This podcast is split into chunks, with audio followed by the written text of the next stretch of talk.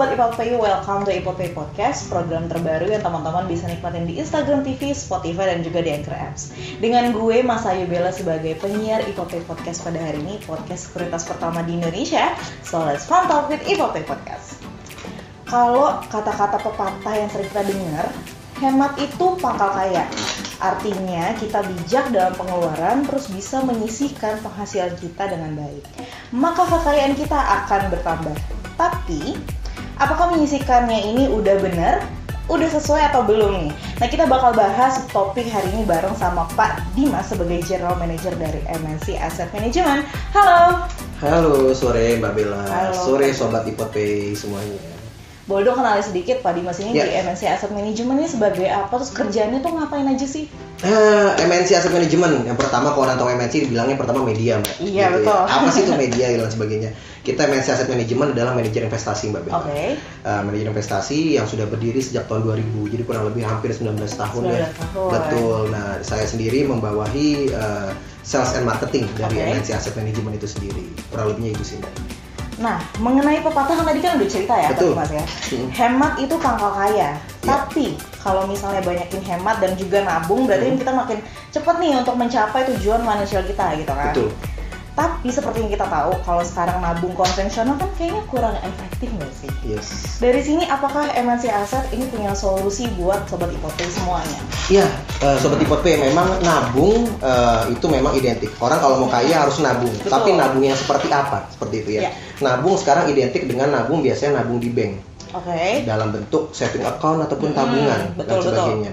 Pertanyaannya simple sih, Mbak. Pada saat kita nabung, apakah dia nabung itu nilainya itu dengan inflasi? Mm-mm. Apakah berbanding searah atau berbanding terbalik? Oke. Jadi kalau kita nabung, kalau inflasinya juga naik ya percuma.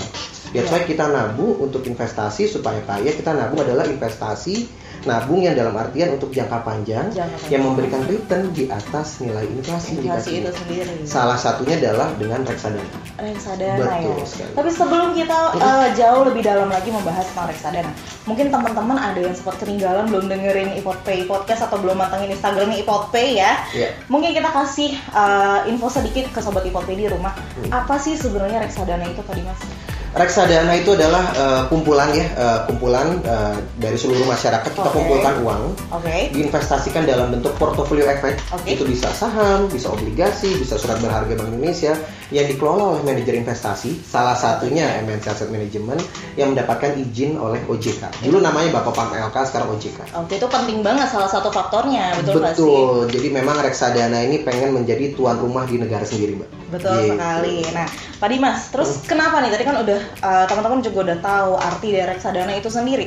Kenapa harus harus banget nabung di reksadana, Pak Dimas? Oke, nabung reksadana yang pertama liquid, Mbak. Oke. Anytime dia mau cairkan, anytime dia mau top up atau nambah bisa. Bisa yang ya. kedua, yang paling penting adalah indikasi returnnya di atas tabungan Konvensional. konvensional. Oke. Layaknya sekarang adalah tabungan di perbankan, gitu ya. Oke. Indikasinya adalah seperti itu.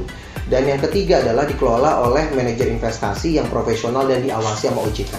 Itu sih yang paling utama. Jadi kalau kita nabung selain liquid, returnnya bagus, Mhm. secara legalitas hukumnya ini investasi bodong atau enggak sih? Nah, Nah. kan itu yang harus penting. Nah, terus uh, ternyata tadi teman-teman udah dengerin dari Pak Dimas ini banyak banget keuntungan kalau kita nabung di reksadana. Betul. Boleh dong Pak Dimas kasih tips ya, Hmm. tips ke teman-teman di rumah. Gimana sih memilih reksadana pasar uang yang tepat dan juga baik, menguntungkan pastinya. Hmm. Apa aja faktor yang harus kita perhatikan? reksadana pasar uang ya. Oke. reksadana pasar uang yang pertama kita harus lihat sudah berapa lama produk reksadana itu berdiri. Oke. Kita lihat historicalnya. Karena apa? Historical performance itu memang tidak menggambarkan apa eh, return masa depan. Tapi Oke. seenggak-enggaknya dengan kalian lihat historical performance itu harus kelihatan produk itu seperti apa. Oke. Itu yang pertama. Dan yang kedua adalah yang dilihat adalah dari segi total AUM. AUM di fund tersebut. Itu- Dana kelolaan. Oke. Dana kelolaan di fund tersebut itu ada berapa? Mm-mm. Karena semakin besar dana kelolaan, berarti nilai kepercayaan masyarakat semakin baik terhadap produk tersebut. Betul. Gitu. Dan yang ketiga, Mm-mm. siapa yang mengelolanya? Nah, itu juga penting ya. Betul. Siapa yang mengelolanya? Dan yang pasti yang bagus sih MNC Asset Eh ya. masih asik.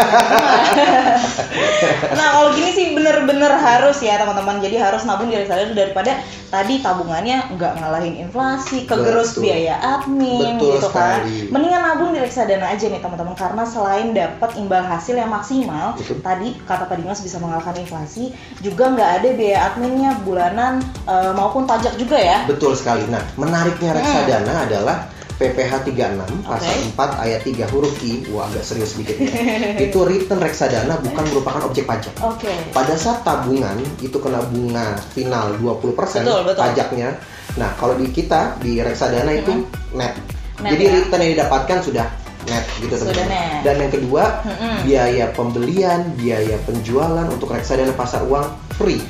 Apalagi belinya dari Ipot Pay Dimas. Wah, luar biasa. Lewat karena ipotnya lebih kalau misalnya lagi ya. betul kalau misalnya beli dari Ipotpay teman-teman pencairannya juga cepet banget cuma Betul. level satu kalau misalnya beli produknya MNC Asset Management yaitu MNC Dana Lancar Iya, betul. nggak? Tepatnya Oke. MNC Dana Lancar ya. Nah, selain kalau misal tadi kan bebas biaya admin teman-teman, teman-teman juga bisa nikmatin fitur-fiturnya Ipotpay bayar, beli transfer gratis. Itu pastinya di Ipotpay bebas biaya admin teman-teman. Nah, tadi udah dipaparin ya sama Pak Dimas kenapa sih harus nabung di reksadana. Nah, Mhm. ini yakin nih masih mau nabung secara konvensional. Kita tanyain lagi ke sobat Ipotpay. Kalau eh, sobat Ipot Pay bandingkan plus Oke. minus ya antara MNC Dana Lancar Mm-mm. sama produk tabungan lain. Yang pertama tabungan lain kena biaya administrasi, Biaya admin. biaya bulanan. Kadang-kadang bunganya aja nggak bisa nutup sama biaya adminnya. Betul. Benar nggak Bella? itu itu yang itu yang paling hal yang mendasar Mm. kayak gitu. Pada saat dia nabung MNC Dana Lancar di Ipot Pay lewat. Ipot Pay gratis biaya nggak ada. Betul. Betul nggak? Indikasi returnnya kita memberikan indikasi return sekarang rata-rata memang sudah di atas 5% net. Wah, itu Anytime dia bisa keluar masuk. Betul. 5% itu tapi indikasinya adalah return net ya. net. Kalau Oke. kalau bunga tabungan 5% atau bunga tabungan sekarang 2%. 2%. 2% tapi dipotong 20% ya. Coba dihitung itu per tahun. itu nabung Sobat atau Ipot bisa hitung ya. Iya. Oke, jadi kalau misalnya teman-teman bertanya gitu ya, kapan kita harus mulai investasi dan juga nabung, pasti jawabannya sekarang ya Pak Betul. Dimas ya, harus sekarang juga. Nah Pak Dimas, thank you banget udah nemenin siaran Ipotpay Podcast hari ini. Sukses selalu. Terus juga teman-teman kalau misalnya ada yang nanya, bisa langsung nanya di kolom komentar di bawah ini.